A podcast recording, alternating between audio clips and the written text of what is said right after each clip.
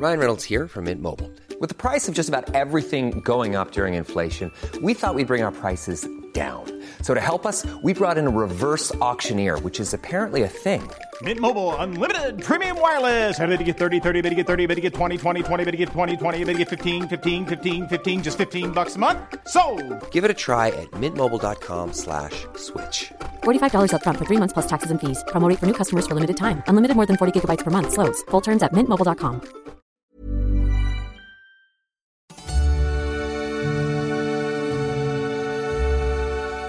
Det här är Tabberaset, en podd med mig, Frida Lund och Klara Doktorov. Här kommer vi att snacka om livet som är så lätt och så svårt. Hur får man ihop det med en massa barn, partners som ska smörjas, relationer som ska hållas vid liv, samtidigt som man har en karriär och gärna vill laga jättegod mat, dricka gott vin och smörja sig med de bästa krämerna. Det får man ju inte såklart. Rakt översatt betyder tabberas både rent bord och total förgörelse. Sa jag att vi både har ADHD också? Här kanske vi tillsammans kan hitta lösningen på att komma ihåg att sätta rätt sko på rätt fot på rätt barn. Hur man jonglerar livspusslet, men också vad är den där majordefekten egentligen? Med hjälp av experter kommer vi i vissa avsnitt dyka in i ämnen vi är intresserade av. Ja, och Klara, jag är ganska intresserad av att höra mer om att du lagar den bästa bolognesen på jorden. Och jag själv, jag är helt övertygad om att min BSB, ni får googla, är den enda desserten. Saker kommer som ni förstår att avhandlas här. Tänk dig att vi slår oss ner vid ett bord med din absoluta favoriträtt. Vad vill du dricka? Vi fixar. Vi tabbar oss och vi rasar gång på gång och det gör säkert ni med. Välkomna!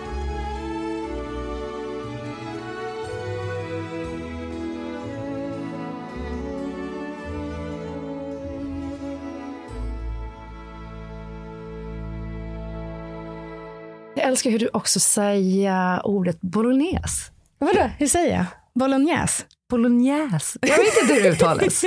Bolognese. Bolognese, Nej, jag vet inte. Jag träffade en italienare i somras och han var från Bologna och blev eh, typ rasande när jag berättade om hur jag lagade min bolognese. Mm. Som jag tycker är en bra bolognese. Ja. Men så försökte jag säga till honom att det förmodligen är regionellt bara för att i olika delar av Italien så lagar man bolognese på olika sätt. Mm, jag har hört att just i Bologna så är det 50% som har mjölk i sin och 50% som inte har det. Jag är en mjölkförespråkare. Är du? Jag är också för mjölk. Mm. Men det han också sa var ju att det måste vara färsk pasta, vilket jag också är emot. Mm. Den blir väldigt lätt för sladdrig i en bolognese, ingen spänst.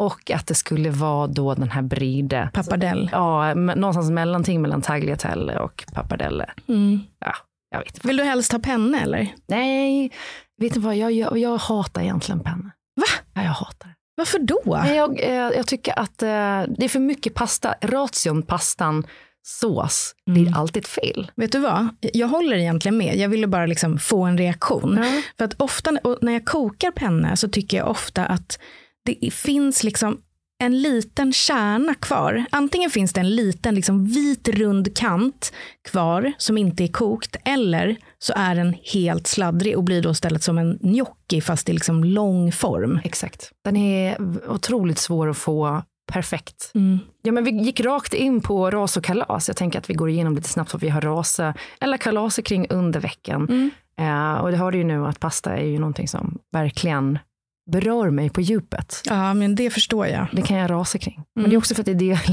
bäst på att laga. Kanske inte själva pastan, men det som är till pastan. Mm. Men jag har ett annat ras den här veckan. Och jag har ju sett klart på, äntligen sett klart på And just like that. Ja. Alltså fortsättningen på Sex and the City. Mm. Den här nya, otroligt eh, politiskt korrekta smörjan som man ändå tittar på som man tittar på en eh, bilolycka. Mm. Min, min kompis pratade med mig i telefon om den idag och då sa jag, jag kan endast se ett avsnitt varannan vecka. Eh, jag kommer se klart den, men, men jag kan inte bingea. Nej, Det blir för jobbigt. Nej, det går inte. Nej, det går inte. Verkligen inte. Men det slog det mig då, för jag hade lä- läst då en intervju med skådisen som spelar Shay Diaz, alltså Sarah Ramirez. Och eh, hen säger då att han får jättemycket hat för sin insats. Eh, han har gått ut i intervjuer och tagit avstånd och sagt då att eh, jag är inte Shay Ramirez.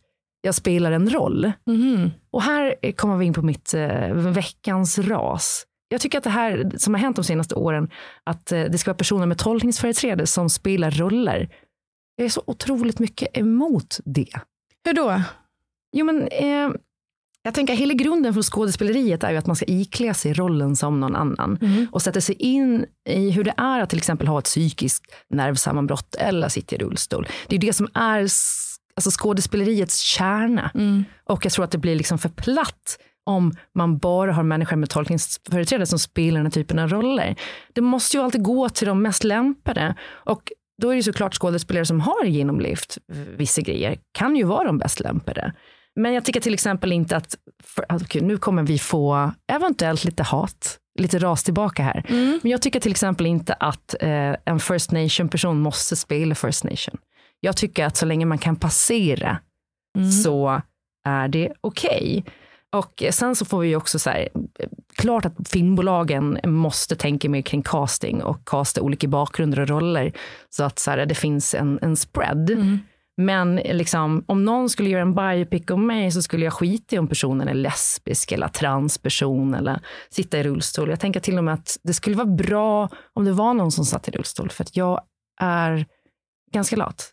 Alltså jag hatar verkligen att stå. Och jag sitter ner nästan hela tiden ändå. Ja, ja, men då så. Men det kanske också nedvärderar lite skådespelarnas yrke Ja. eh, på något sätt. Alltså jag bara tänker, man kommer ju alltid tillbaka till Gilbert Grape.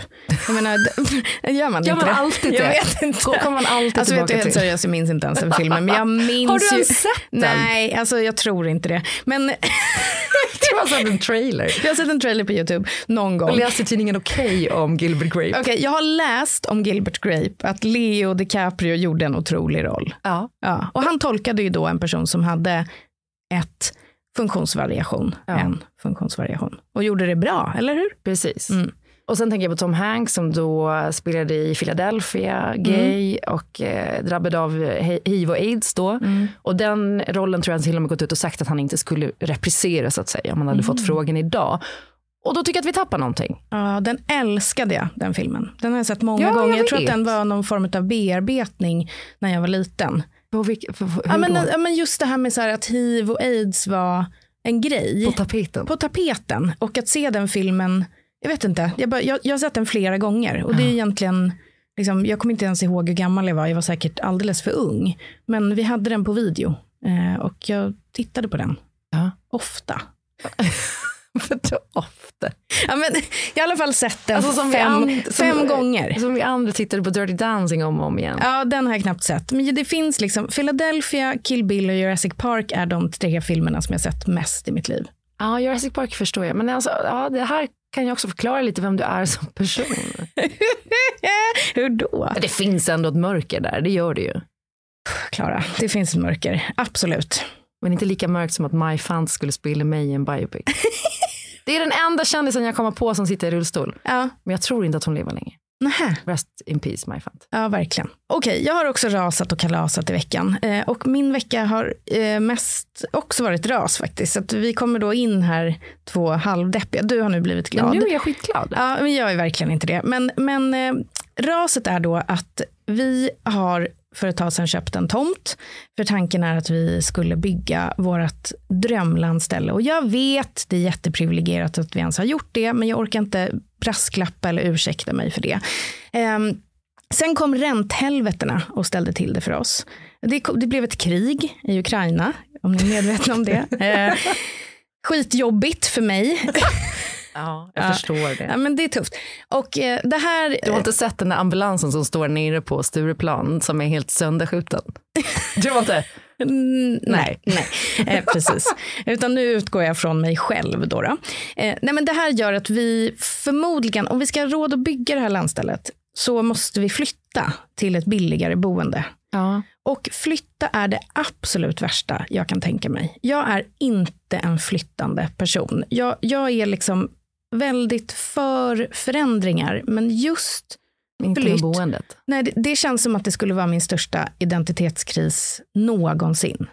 Så att, och vi har nu värderat lägenheten och ja, hållit på. Och det tycker jag eh, har varit skit. Sen kommer har den det- gått upp i värde? Nej. Den har inte det? Nej men typ inte. Alltså vi kommer nog få tillbaka det vi sålde den för. Kanske lite till. Jag köpte. Ja, ja, precis. Och, eller kanske inte. Och då kommer vi inte heller sälja. Så, så det här Nej. är ju bara, vi står i någon moment 22. Vi har ett bygglov. Man har två år på sig att börja bygga. Gör man inte det måste man söka ett nytt jävla bygglov för typ 70 lax. Va? Ja, så det är helt sjukt. Alltså kommunerna, snälla ändra era regler. Och sen hade vi några grannar som klagade också på vårt bygglov så det fördröjde tiden. Så det är från första ansökan och om någon överklagar så räknas det in i de här två åren. Varför Nej, är jag nej, så nej, nej. intresserad av det här? Nej, ja, jag vet inte. Du, det är flera, flera gånger på sistone när vi har träffats har du pratat om kommuner och sådana här saker. Jag känner att jag har svårt Ja, men att jag- relatera. Ja, Jag, jag kommer inte gå in på, på de där grejerna. Det har varit skit. Men en grej som har varit kalas är att jag numera har två barn som går på förskolan och vi har skolat in eh, min minsta Donna och det är ju en process som kan ställa till det för vilken stabil person som helst. Jag kanske inte är stabil i grunden heller, men jag har varit livrädd att hon ska känna att jag lämnar henne och den här totala liksom, katastrofen som det är när man också vinkar glatt till ett barn som gråter. Ja. Eh, som skriker nej, sträcker upp armarna och man är glad. Yeah, hej då, ha det så kul. Det är ju helt sjukt Jag egentligen. vet, men vad, vad, finns det något annat sätt att göra det på? Då? Men jag har faktiskt funderat på det här väldigt mycket innan inskolningen som är mitt veckans kalas för att det har gått så bra. Men jag funderade väldigt mycket på hur jag skulle bemöta hennes känslor om hon nu blev totalt katastrofledsen. Mm. För det kan ju inte vara rimligt att titta någon i ögonen som gråter och le och säga hej då, då ses vi sen. Det är ju sjukligt beteende. Då Ja. tänker hon att mamma är psykopat. Så då tänkte jag istället att jag kanske skulle gör, gör hon inte det ändå? Jo. Komma och göra om inte annat. Ja, hon kommer ha mycket att prata om sen i terapisessionerna. Nej, men att man kanske kunde sätta sig ner och säga, ja, hon är ett och ett halvt så jag vet inte hur mycket hon förstår, men bara så här, jag fattar att det här är jobbigt. Eh, du är jättestark, det här kommer, det kommer bli en bra dag och jag kommer tillbaka. Jag ser att du är ledsen, jag älskar dig, puss och kram. Inte det, liksom, va- varför har vi den här, eh, är det liksom forskningsbaserat att det är bättre att garva hela vägen till liksom grinden? Jag vet inte heller var du har fått garvet ifrån. Alltså jag tror att det är, vem har sagt att man ska le? Nej men att de är så här, var glad och gå typ. Alltså Jaha, gå bara. Det har nog aldrig någon sagt till mig eh, när jag skulle in mina, men utan mer bara så här, eh, alltså neutralt, alltså, ryck plåstret snabbt. Ja. Dra inte ut på det för länge, för då är det som att du också bekräftar Mm. de känslorna som större än vad de behöver vara. Men jag förstår det där med att typ så här, kunna sitta ner och säga jag kommer tillbaka och allt det där. Men det, du Mm. Men jag kanske har misstolkat hela grejen då. förstår. Jag, Men glädjen. Glädjen är ju väl, det är också obehagligt när man ser dig le på det sättet som du gör. Ja, för mina Henne. ögon är ju i panik. Ja. Så det är ju ett falskt leende. För det, det här hände nämligen när vi skolade in henne på hennes förra förskola. Att hon blev katastrofalt ledsen. Och Mm. jag alltså, skrattlog och gick därifrån med liksom tårar som brände men en jätteglad mun. Mm. Hon tyckte att det var jobbigt ganska länge. Ja, jag tror inte att du ska le. Alltså. Nej. Det är väldigt märkligt. Om någon barnpsykolog eller så lyssnar så får man göra, hör gärna Ja. av er för att Det här borde vi ta reda på ju. Ja, det, här, det, Här det kommer vi göra. någon. Ja, verkligen. Jag vet inte heller. I värsta fall får vi bjuda in min morsa. Jag vet inte hur bra hon är. Hon är ju förskollärare. Jag vet inte hur bra hon är. Nej, men de, men de har ju det här, bara gå. Ja, Det blir bra. Så. ja den gamla skolan ja. Mm, verkligen. Ja, ja, skitsamma. Vi är sponsrade av Nextory. Mm. Tacka gudarna för det. Jag är ljudboksappsanvändare av rang. Ja, du är det. Ja, Mm. jag älskar det. Och jag gillar både att läsa och att lyssna på Ja. ljudbok. Vet du hur Nextory startade? Nej. De som startade Nextory växte upp i eh, Syrien. Mm. Och när de var barn så såg de hur liksom diktatorskapet begränsade tillgängligheten av böcker. Mm. Och när de då sen kom till Sverige så gjorde de till sitt mission att böcker skulle vara tillgängliga för alla. Och det Ja. tycker jag var så himla fint. Otroligt fint ju. Verkligen. Jag är ju inte så mycket ljudbokslyssnare, men jag är e-boksläsare. Mm. Jag läser nästan alltid böcker på device och Mm. inte i liksom, fysisk form. Men jag har förstått då för de som gillar att växla att det är väldigt smidigt att Ja. man kan göra det. Så man kan läsa en sida och sen lyssnar man på en sida. Och jag tycker bara framförallt, och det är därför jag gillar Nextory, för att de böckerna man vill ha, direkt. Ja. Man behöver inte klicka hem något och sitta och vänta jättelänge, utan du kan bara direkt när du får suget. Nu Exakt. snackar alla om den här.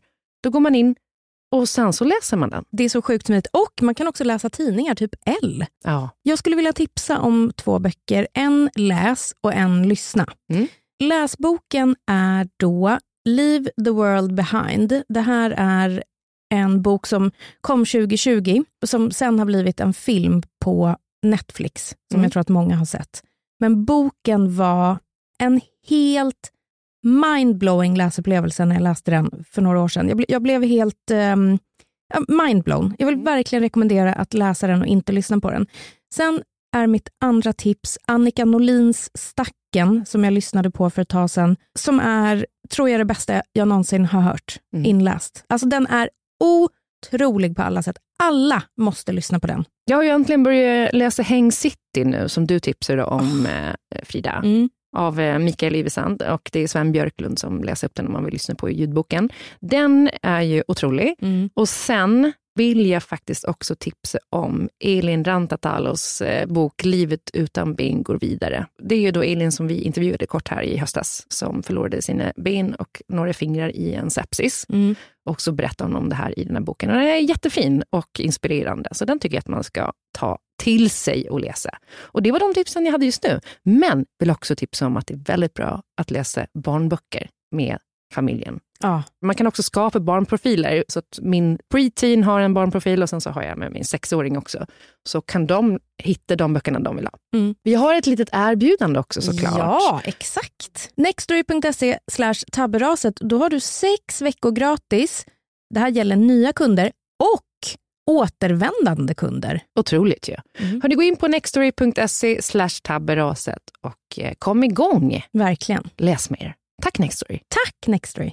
Vi är sponsrade av The Grape Collective denna vecka och det här är så kul. Det är ett kollektiv som tar fram viner tillsammans med sina bästa partners. Och jag tänker att vi ska prata om ett vin som jag tror att du kommer gå igång på riktigt rejält. Ja. Vi pratar om en torr, vänta låt mig säga det på tyska, en trocken Riesling från Rheingau. Älskar Rheingau. Ja, jag älskar Rheingau. Riesling Returns. Det är en torr Riesling från Rheingau. Och Rheingau är ju en plats som vi båda väldigt gärna vill besöka. Vi har ju pratat gott om Rheingau. Jag kommer ju åka till Rheingau i sommar Mm. för att jag tycker att Rheingau gör så otroligt mycket högkvalitativt och kul och spännande och de är så duktiga på framförallt Riesling också. Mm, verkligen. The Grape Collective är ju ett kollektiv som tar fram viner då tillsammans med riktigt bra vinmakare Mm. och det är schyssta viner till schyssta priser. Precis. Kan inte du bara beskriva just hur den här Rieslingen då, Riesling Returns, Mm. hur den smakar? Den är torr, lite så här knastrigt torr och frisk, precis som Riesling kan vara. Den har hög mineralitet, den har smak av stenfrukt och det är rent, det är stramt och det är torrt. Den är också ekologisk vill jag eh, slänga in. Och Riesling är ju en druva som passar väldigt bra till asiatiska smaker. Mm. Till exempel så skulle man kunna göra en eh, papayasallad Mm. med eh, väldigt hög syra som jag tror att den här Rieslingen skulle passa bra till. Eller bara till vit fisk och färska skaldjur. Verkligen, för jag tror att även om vi säger en hög syra nu så tror jag inte att man ska bli rädd för den höga syran. För vinets liksom fyllighet balanserar syran så bra. Mm. Och en Riesling är också ganska fruktig. Det brukar vara väldigt mycket äppelkorg över Riesling och lite då liksom stenfrukt. En go-to-druva Mm. skulle jag vilja säga. Klara, har du sett etiketten? Den är liksom en filmaffisch typ, eller den stilen. Det är liksom en stor dinosaurie. Man kanske skulle kunna kalla det för en winosaur. Om jag säger det så tänker jag att folk får gå och leta efter den. Och orkar man inte leta så är artikelnumret 72859. Glöm inte att alkohol är beroendeframkallande och att det är viktigt att dricka måttfullt. Om ni vill läsa mer om just det här vinet eller se vad de har övrigt i sitt sortiment så går ni in på thegrapecollective.se eller springwine.se. Tack The Grape Collective.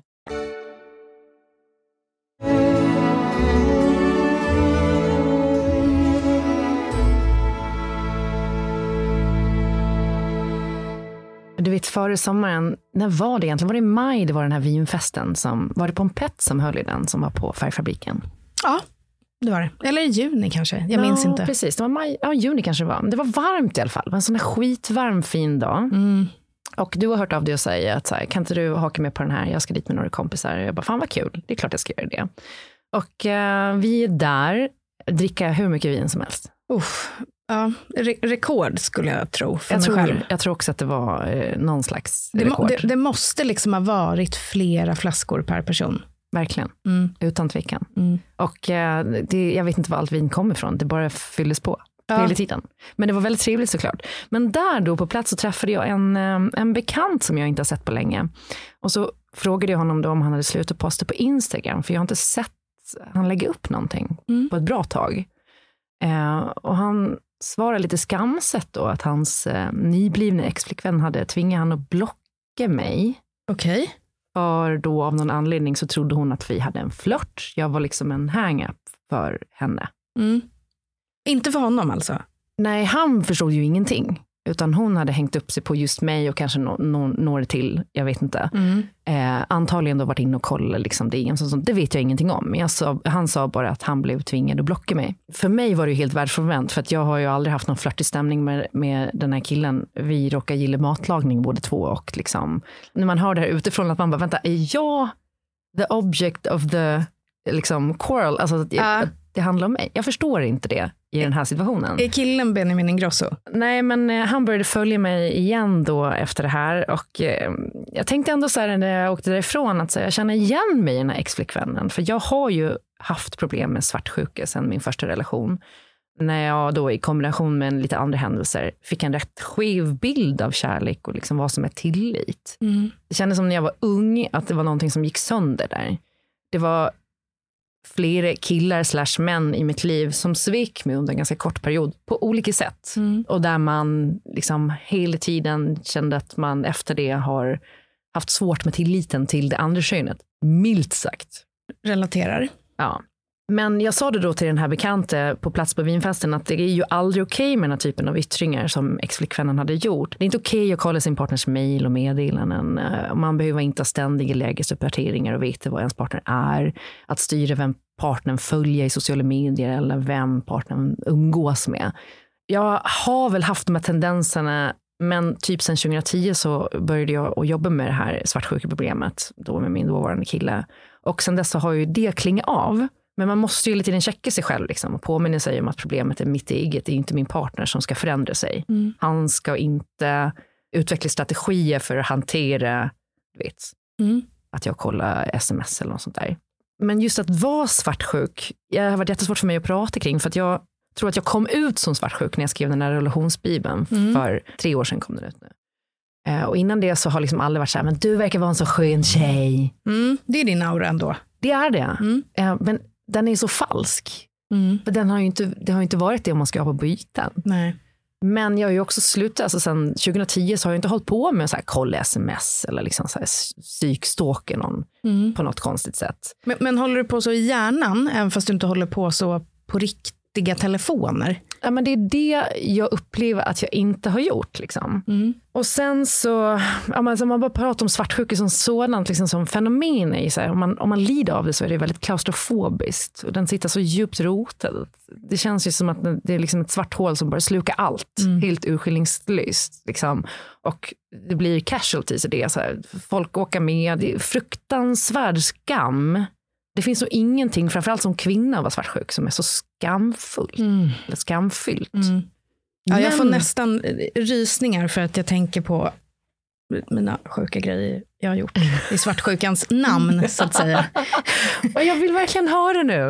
Berätta. Nej, men, jag har också blivit sviken av män på ganska sjuka sätt. Mm. Tidigare relationer. När jag blev ihop med Anders så var han liksom en reko kille. Eh, och då gjorde jag väl det klassiska i början som de flesta gör som har liksom problem med självkänsla. Alltså att man försöker stöta bort. För att man, man vet att de kommer försvinna då. Och då är det lättare för mig att jag är den som stört bort den, att jag sen blir sviken. Men han stod kvar. Eh, och ungefär ett år in i vår relation så bestämmer han sig för att åka ner och jobba som surflärare i Frankrike. Aj, aj, aj. aj, aj, aj, aj, men, aj. Klara, Aj, aj, aj. Det gör ont när han berättar det här för mig så står vi på Skanstullsbron. Jag hoppar, nej jag skojar. Eh, nej men eh, vi, vi är på väg ner mot typ thaibåten eller någonting. Och jag känner hur hela min värld rämnar. Han gör ju slut med mig. För att han berättar för mig att han kommer vara otrogen med massa olika surftjejer. Det är ju det han säger när han säger att han ska åka ner och vara surflärare. Jag kommer bli I ditt kär. huvud är det du hör. Precis. Jag kommer bli kär i någon annan. Eh, alla är snygga, smarta, smala, sexiga. Liksom, prata franska. Men vad fan har jag att komma med? Liksom, diskussionen blir så vild att jag i princip säger att det är slut om han åker. Eh, men han står på sig i alla fall. Eh, och jag gör ju inte slut. Men de tre veckorna som han är där så ligger jag, ja, det är så jävla mörkt, jag ligger alltså på riktigt i sängen och lyssnar på Adele. Nästan dygnet runt. Och när han inte svarar när jag ringer, då får jag panik. För att jag tänker... Well, if someone like you... uh, Ja. Nej, nej, nej. Ja, nej. Jag får sån jävla panik för jag tänker varje gång jag inte svarar så är det för att han ligger liksom och knullar en annan brud. Det måste ju vara det. Vi kom över, vi kom över det och jag fick verkligen jobba med mig själv med hjälp av honom. För att han var verkligen, jag accepterar inte det här. Alltså, du, så här får du inte vara Nej. mot mig. Och då var jag ju liksom jätterädd att han skulle lämna mig för att jag var en psycho bitch. Så att jag fick också jobba mycket med det, inte med hjälp av terapi, men verkligen försöka att sluta agera på känslorna. Alltså det är väl verkligen KBT om något. Att jag får ett infall att vilja ringa honom när han är ute. Men nej, jag gör inte det. Nej. Lite så. Och sen hade vi en falling out. Sen var det ganska lugnt under ehm, Hur länge har ni varit ihop? snart 14 år. Åh jävlar. Så jättelänge. Ja. Eh, Alltså sen bodde vi i Norge ett par år. Det var, det var liksom lite duster här och där, men inte så grovt som det här. Men sen så fick liksom mitt sista totala bryt var 2015 tror jag. Och då var det egentligen, hade jag inte varit svartsjuk på väldigt länge. För att vi också, jag blir i alla fall mindre och mindre. Liksom, ju mer man lär känna varandra och tryggare man blir med varandra. Men då var jag i Kroatien med min mamma. Och eh, Anders och några kompisar var och tältade. Och bland annat en eh, jättenära tjejkompis till mig. Och det gjorde mig helt utom mig. Alltså jag, jag, vill, jag, bara, jag frågade bara gång på gång på gång. Berätta, berätta, berätta. Vad är det jag ska berätta? Men berätta, du måste, någonting måste ha hänt. Och när jag tänker på mig själv, om jag skulle vara i samma situation med hans polare. Ja, ja. Det fan sinnessjukt om jag skulle gjort någonting med honom. Så att efter det så var jag så här, nu är det bra med de här grejerna. Och då blev det jättemycket bättre. Sen dess har jag faktiskt inte varit svartsjuk. Nej. Men jag, kan, jag, jag får liksom lite så här, åh, fan vad mörkt det är. Det är som Det du säger, det. är, det är så dränerande. Men där tänker jag också att Anders gjorde ju rätt i att han satte ner foten och sa så här, du får inte behandla mig på det här sättet. För så har det ju varit också i mina två senaste relationer, att de jag har varit med har varit så här, fast nej, vi kommer inte att rätta oss efter det här. Men har du också varit ett sånt här psykfall alltså? Eh, gud ja. Okej, skönt. Men, men ehm, jag ska säga så här att det, det, som, det som hände var ju att jag trodde att jag blev frisk. Och i samband när jag skrev den här boken eller när jag då pratade med min bekante då om hans eh, exflickvän så tänkte jag så här, shit vad skönt att jag inte är så där längre. Jag, är inte, jag är inte svartsjuk, jag kommer över det här. För det är liksom, det har varit ganska lugnt på den fronten. Så. Men sen eh, för några veckor sedan då, precis efter sommaren så um, Kjell är liksom arg på mig för att han tycker att jag är helt anal på planeringen. Och eh, jag är så ofta att jag behöver veta vilken tid han kommer hem. Så jag, kan, jag tänker att jag kan laga middag. Vilka kvällar han ska vara borta i förhand. Jag kan inte leva ett liv med spontanitet när det gäller honom. Men jag själv kan vara väldigt spontant. Och i det har han alltid backat mig. Liksom. Och den här gången eh, så var han så jävla arg. Eh, han hade ju då varit på middag med kompisar kvällen före. Han säger då att han ska vara hem eh, 21, men kom hem typ vid ett. Och däremellan så har jag blivit trakasserad av hans kompis eh, medan jag låg och sov då, som ville att jag skulle övertala Kjell att han skulle vara ute längre. Och jag då i det här bråket när han var så här, varför är det så jävla viktigt för dig vilken tid jag kommer, om jag har sagt 21 och kommer hem 01, vad är problemet liksom? Mm. Och det sämsta man kan göra också är ju att säga en tid. Ja, men han gör det väldigt ofta. Mm. Men jag hävdar ju då att det här är ju liksom naturligt. Jag vill ju kunna planera i förväg och han ger sig inte. Han är liksom på och trycker och trycker och trycker. Och hävdar liksom att han upplever ett märkligt kontrollbehov när det kommer till tider och vad hans förehavanden. Och sen så plötsligt så sker det liksom. Det är som att jag bara, det rämnar. Mm. Totalt. Slår näven i bordet liksom, bam. Och bara, men dra och knulla horor. Dra och knulla horor då. Oj, Och det är som att någonting där bara, det brister. Vad fan var det? Ja. Och han tittar på mig och flinar och bara, jag visste det. Jag visste det. Rys. Och jag är så här, "Ah!" så går jag bara ur rummet och så drämmer igen dörren in till vardagsrummet och bara bryter ihop fullständigt. Det var liksom som att så här, eh, jag har liksom lurat mig själv så jävla länge. Ja. Här sitter jag då eh, med ryggen mot dörren, här glider ner på golvet som en jävla tonåring. Mm. Jag vet, som i en film. Dröm, lite dröm ändå, och glida ner. Så otroligt dramatiskt också. Ja. Ingen ser, men här är jag. Mm. Planerar redan filmen. ja, exakt. Men jag har lurat mig själv så länge. Skapa egna ramar, egna ramar och regler för min svartsjuka. Mm. Och insett att jag bara förflyttar tillitsproblemen från en uttrycksform till en annan.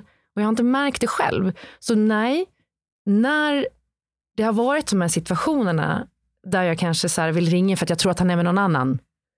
Då är det liksom andra grejer som har triggat mig. För att Mm. det är som att jag bara har stängt av och bara säger jag är inte svartsjuk, jag är inte svartsjuk, det har inte med det att göra. Det har inte med det att göra. Det har bara med min planering Ja, att göra, för jag och behöver typ- veta. Ja, och, och om man säger en tid och inte kommer hem den tiden så betyder det att det är en bristande karaktärs, eh, det ett bristande karaktärsdrag. Alltså så här, Mm. Du vet sådana märkliga grejer liksom. Mm. Och den här dagen var så otroligt tuff. Jag, eh, jag fick liksom, vi fick prata igenom varje enskild situation han upplever då att jag kontrollerar honom med tid. Mm. Och för första gången reflektera i vad just i de här situationerna som har triggat kontrollbehovet. Alltså titta tillbaka precis det du säger så här. Var det någonting du tänkte kring svartsjuka då? Och det blev en ganska lång lista Mm. ändå. Mm. Varav ändå är den här, eh, alltså att man ska vara med en man som går Paolo Roberto. Ja. Att, och Kjell är så extremt långt ifrån det. Mm. Det är som att så här, viss typ av trait skulle jag nog inte ha något problem med. Men ett sexköp. Mm. Och det är ändå helt sjukt att du har det. är inte helt sjukt, det här är ju liksom en del av, eller jo det är väl del av din sjukdomsbild då. Ja, Att du tänker det som en grej. Ja. För liksom, varför skulle du göra det? Visst, det är rek och snubbar som köper horor, så är det ja, ju. exakt. Och var tionde man har gjort det. Liksom. Ja, Minst. absolut, så man känner ju en del uppenbarligen. Mhm. Men, men att du just skulle tänka det om personen som du har valt att gifta dig med. Vi har anledning att komma tillbaka till det här, för det är ju en Mm. pågående process. Jag kan relatera väldigt mycket, men att jag agerar helt tvärtom. Och kan, det här kan, mitt beror kanske inte på att jag är rädd att Anders ska vara otrogen, men jag är så fruktansvärt rädd för att han ska lämna mig för att jag inte är tillräckligt bra. Mm. Så att jag låter då inom situationstecken honom göra exakt vad han vill när han vill. Det är inga problem. Nej, det är lugnt. Ja, det är lugnt. Men, och så här, kan vara så här, men varför men hitta på något ikväll? Jag tar barnen. Åk på en resa. Han ska åka till Australien nu snart i två veckor. Det är verkligen inte att man ska motsätta sig en sån grej. Det är underbart. Men jag har varit så jävla pushande. Även om jag självklart tycker att det kommer vara hell hole att vara själv med två barn i liksom Men eh, två klarar du det? Alltså, så klarar du, ja, Nej. för det är det. Hur Nej. fan ska man klara det? Nej, Hur kan, ska man orka och andas? Jag, jag, nej, jag kommer inte klara det. Alltså, jag, jag, nej, men det är ju total panik, men det kan jag inte säga till honom. Nej. För då tänker jag att han, då ser han mig svag och det är det värsta jag kan tänka mig. Så jag, jag kan verkligen relatera lite, fast åt andra hållet. För att jag är så paniskt rädd för att bli lämnad för att jag inte är bra nog. Mm. Så att jag vill bara vara härlig och underbar hela tiden. Ja. Och det är ju så jävla sorgligt. Men blir det, alltså inte omöjligt att upprätthålla över tid. Jo, alltså jag är ju ett as ofta, herregud. Jag har ju alltså Sveriges starkaste PMS. Det finns sms-konversationer som är så grova så att du anar inte. Nej, men det var det. Ja, Men- Någon gång kommer vi ju behöva och bara lyfta på det locket också för att jag kan känna igen mig i det. Ja, och jag kan skämmas. Om någon hackar min telefon, Nej. alltså. Du ska inte säga sånt här i eten, Klara. Jag har liksom byggt upp för det många gånger för jag tänkt så här, någon hackar min telefon så kommer de hitta extremt mycket explicit material. Men, det, det är har inte- lett till att någon har försökt att hacka min telefon Nej. så de är inte intresserade. Och explicit är kanske inte naket utan snarare psykvarningar. Nej, jag menar nog framförallt det nakna. Aha, Eh, alltså sexfilmer. Extremt eh, nakna, ja. Aha, brukar ni filma när ni knullar? Det har jag aldrig gjort. Vem gör inte det? Va? Vadå, gör ni det liksom år in i relationen? Så bara, idag, alltså idag blir det cam. Eh, ja, men det väl händer väl att det åker upp en telefon och så blir det som en extra krydda. Liksom. Åh gud Det vad spännande. Oj, oj, oj. Okej, vi kommer verkligen, jag skriver upp sexavsnittet nu i anteckningar. Det kan du knulla en på.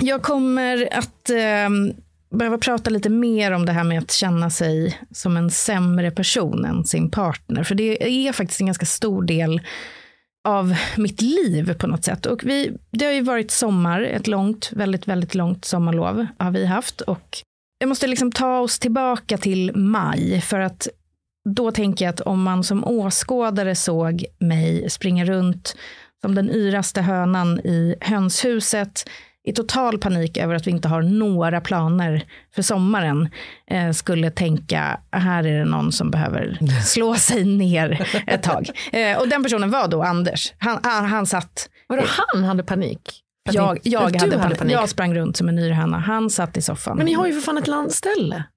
Ja, men min tanke... Det är väl en plan? Ja, exakt. Ja, nu låter du ju som han. Ja. Eh, och jag, alltså flikarna på datorn var, alltså det var 150 flikar och det var resor och det skulle bokas stugor och vi var tvungna att göra någonting. Vi kan inte bara vara på landet hela sommaren.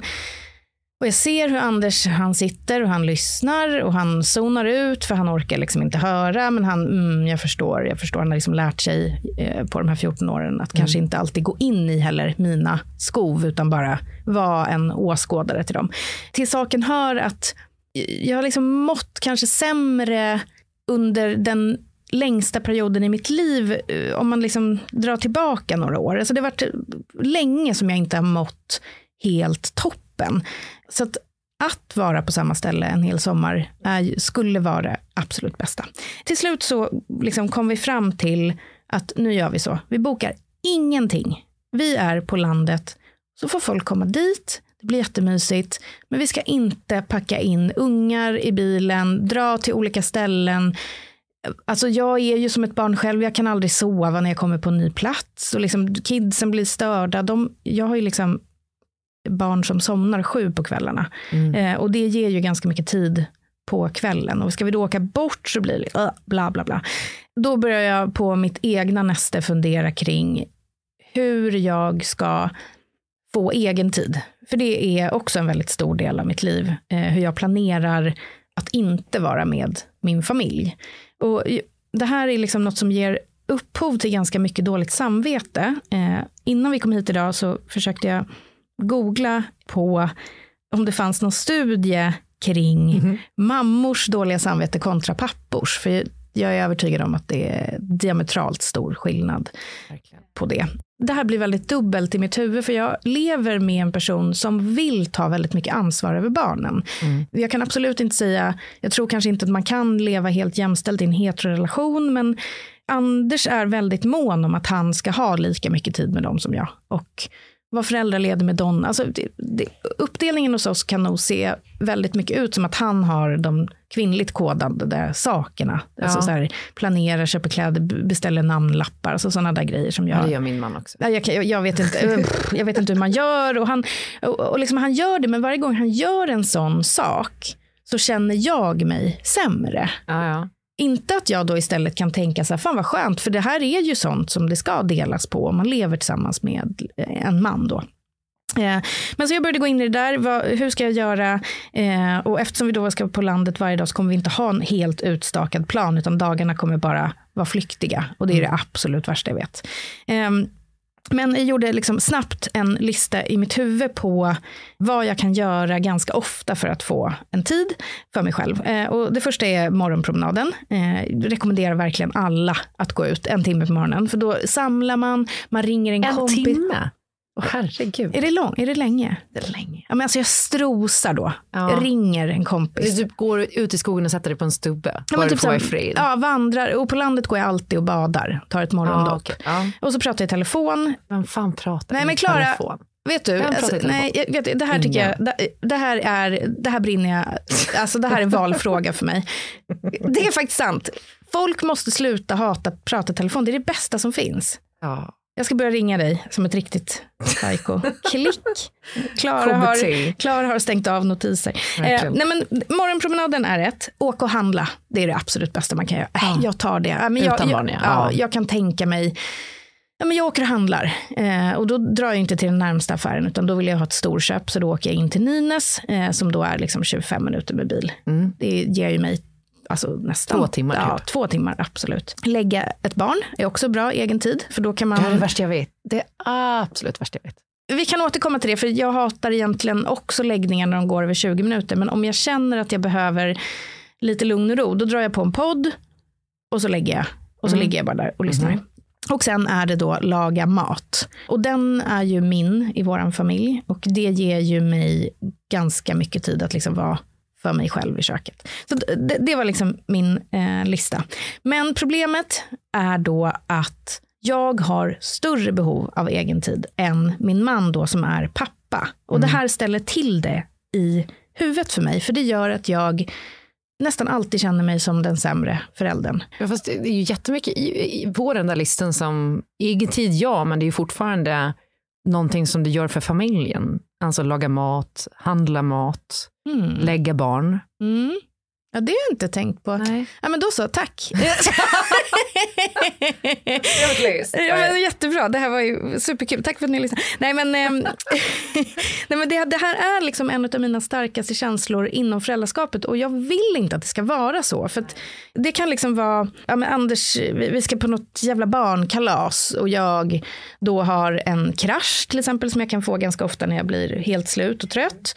Och han säger, men jag tar med mig båda barnen och går. Och då känner jag att jag måste göra någonting som är likvärdigt bra. Jag kan inte bara ligga då och vila, utan då måste jag kanske ja, men laga mat eller göra någon städning eller kratta för Ja. någon framtida grej. Men känner du att du känner du att du lurar dig själv lite nu för att så här, eh, eller det- alltså behöver du verkligen det?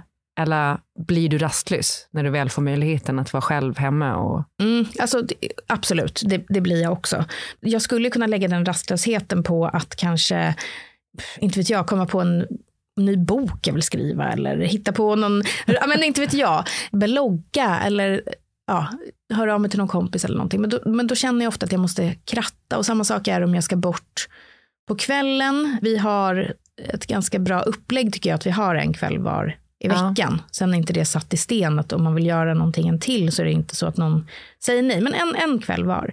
Och ganska ofta då så känner jag att jag måste fixa inför att jag ska vara borta. Jag kan liksom stå och rulla köttbullar. Jaha. Och bara, jag har gjort, jag har gjort köttbullar till så du Som slipper. barnen inte ens vill ha för de vill ha Findus. Exakt. Men liksom att, att, att jag fixar innan Ah. för att känna att det är okej att jag drar iväg. Och det här, Anders har aldrig sagt någonting om det här. Så det ligger ju så djupt i mig att jag inte får vara, jag vet inte vad det är egentligen. Om det, är det självkänsla eller är det liksom att jag tycker att jag inte är en liksom jättebra mamma då? Är det, är det Att du väljer bort familjen till förmån för andra, andra grejer som Ja. du tycker är roligt. Är det strukturerna då som gör att det ser ut så här att jag som mamma borde vilja vara mer med mina barn och att jag har ett sånt behov av att inte vara med mina barn? Och även innan barn så gjorde jag jättemycket saker som inte var med Anders. Jag har alltid haft ett behov av att koppla ur mig från alla typ relationer. Hänga väldigt mycket med kompisar eller Mm. gå ut, göra någonting. Där är jag rätt tvärtom. jag. Alltså en hemmakatt mer. Ja, men lite så. Mm. ju också det. Nej, men jag vet inte. Alltså, jag har ju med tiden bestämt mig för att skita i allt sånt där. Mm. Alltså försöker skita i dåligt samvete. Och, Mm. Alltså så här, var en, jag säger inte att jag är en dålig förälder, för det tror jag inte att jag är. Men inte... Jag vill inte leva upp till samhällets krav Nej. överhuvudtaget. Nej, jag, men- vill, jag vill vara en mamma som är självupptagen. Ja. Men det knasiga är att nu har jag ändå haft eh, ett barn i fem år. Och jag, det här ju inte stoppat mig Har från du, att göra liksom, känner saker. du att, du, du att det får vara kvar eller att du... ja, nej, exakt. Det, ja, Det är som precis. att, en handväska. Alltså det är liksom imorgon. vintage eh, edition. eh, nej, men att, att, och jag har ändå gjort saker under hela tiden. Det har inte stoppat mig. Nej. Men samvetet är detsamma. Inget har hänt på den fronten under fem års tid. Och då undrar jag, fortfarande... vad fan är, beror det på? Jag har ju KBT i fem år. Det känns som den längsta KBT-session någon någonsin har gått. Och inget har hjälpt. Nej, ja, jag, tror, ja, för jag, jag, jag ser också så här, när jag har träffat dig med dina barn, det har i och för sig bara hänt två gånger, men det jag upplever att du är väldigt, när de är med är du väldigt närvarande med dina barn. Tycker alltså, du? Ja. Och när de söker din uppmärksamhet och så, så är du väldigt tillgänglig för dina barn. Är det sant? Ja, verkligen. Det är min, min bild utifrån när jag, när jag ser dig med dem. Eh, Gud, vad så fint. jag tror typ att du är väldigt bra på att när du väl är där så är du där Mm. och närvarande. Mm. En anledning till att du kan vara det är ju för att du också tar dig tiden och gör andra grejer. Ja. Sen det här med att du ska smörja upp inför eller att du måste hitta grejer som du kan liksom lösa åt familjen bara för att det ska vara okej för dig att vara borta. Alltså jag har till och med fixat barnvakt till barnen en gång när jag skulle vara borta över natten för att Anders skulle slippa vara med dem själv. Ja, Det är inte normalt. Nej, det det, får ju inte. fan han göra själv om han behöver det. ja verkligen. Men det Ah. kanske också är någonting som han uppskattar men inte säger. Alltså så att Mm. alla de här grejerna som, du, som han inte kräver av dig, men som han ändå uppskattar väldigt mycket och som är det som gör att en relation håller över tid. Att man bryr sig om den andra. Mm. Det kanske mer handlar om, alltså du kanske ska plocka bort barnen ur den ekvationen helt. Mm. Och tänka att det är mer någonting som du gör för relationen Mm. och familjen. Alltså så här, för, för Ja, det är sant. Det är faktiskt ett ganska bra sätt att kanske börja ja, förhålla sig till det på något vis. Och om du gör mer grejer på egen hand än vad Anders gör så kanske inte behovet är lika stort för honom att kratta för dig när du är borta. Nej. Men jag tror ändå du skulle uppskatta om han gjorde det. Mm. Att så här, ja men här har jag fixat så handla allting som ni ska ha till kvällen. Eller, Mm. Alltså så här, ett tag också när Kjell skulle gå bort när han var så här, hade gjort Ja, det gjorde mitt ex också. Så här, en myskorg. Va? Med typ så här, köpt lite tidningar, Nej, liksom, alltså så här, lite snacks. Eh, Bisarrt ju, men så jävla gulligt. Extremt Ja, gulligt. kanske också ett sätt för dem att hantera min svartsjuka så att jag inte skulle sen så här, vad är det nu? Du sa att du skulle vara hemma klockan 23. Okej, det är sant. Men ändå gulligt. Verkligen, så jävla gulligt. Ja, men ni hör ju. Ja, men jag blev ändå inspirerad när jag var med dig utan mina barn. Jag hade Mm. med min hund som blev helt galen när jag var på ditt landställe. Lugnaste galningen jag har sett i hela mitt liv faktiskt. men du, är- du är jädra fin med dina barn. Och liksom, efter jag kom hem ifrån eh, det dygnet så var det också som att jag bara sa nej, nu ska, fastän jag hatar det mest av allt, nu ska mina barn få vara med när jag lagar mat Mm. och smaka på saker. Och visst, de kanske inte kan göra så mycket, men liksom bara få hälla i olivolja på någonting, Mm. kul för dem. Och bara så här lite mer i vardagen. För jag är så jävla bra på att bara stoppa undan dem med skärm. Liksom. Mm. Mm. Ja, nej, men alltså vi kommer ha en del att snacka om Det framöver. Klara. Absolut. Hörni, ska vi avsluta? Jag tänker att vi ska det.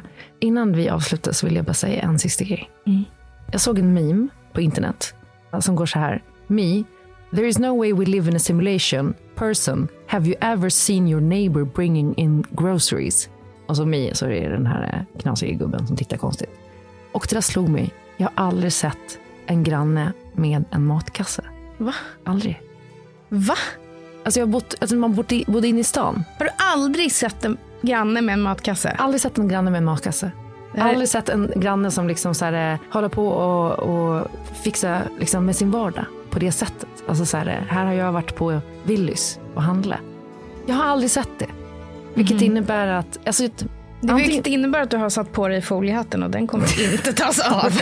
Den är på nu. Den är här för att stanna. Jag har den i fickan. Ja. Nej men är det inte sjukt? Jag, kan, jag fattar ingenting. Jag ser väl folk med påsar hela tiden. Ja, men i matkassar. Jo, eller? Uh, Jag vet inte, jag får fundera. jag har aldrig sett. Men vi kommer återkomma nästa vecka med rafflande. Foliehattspaningar. Verkligen. Ja.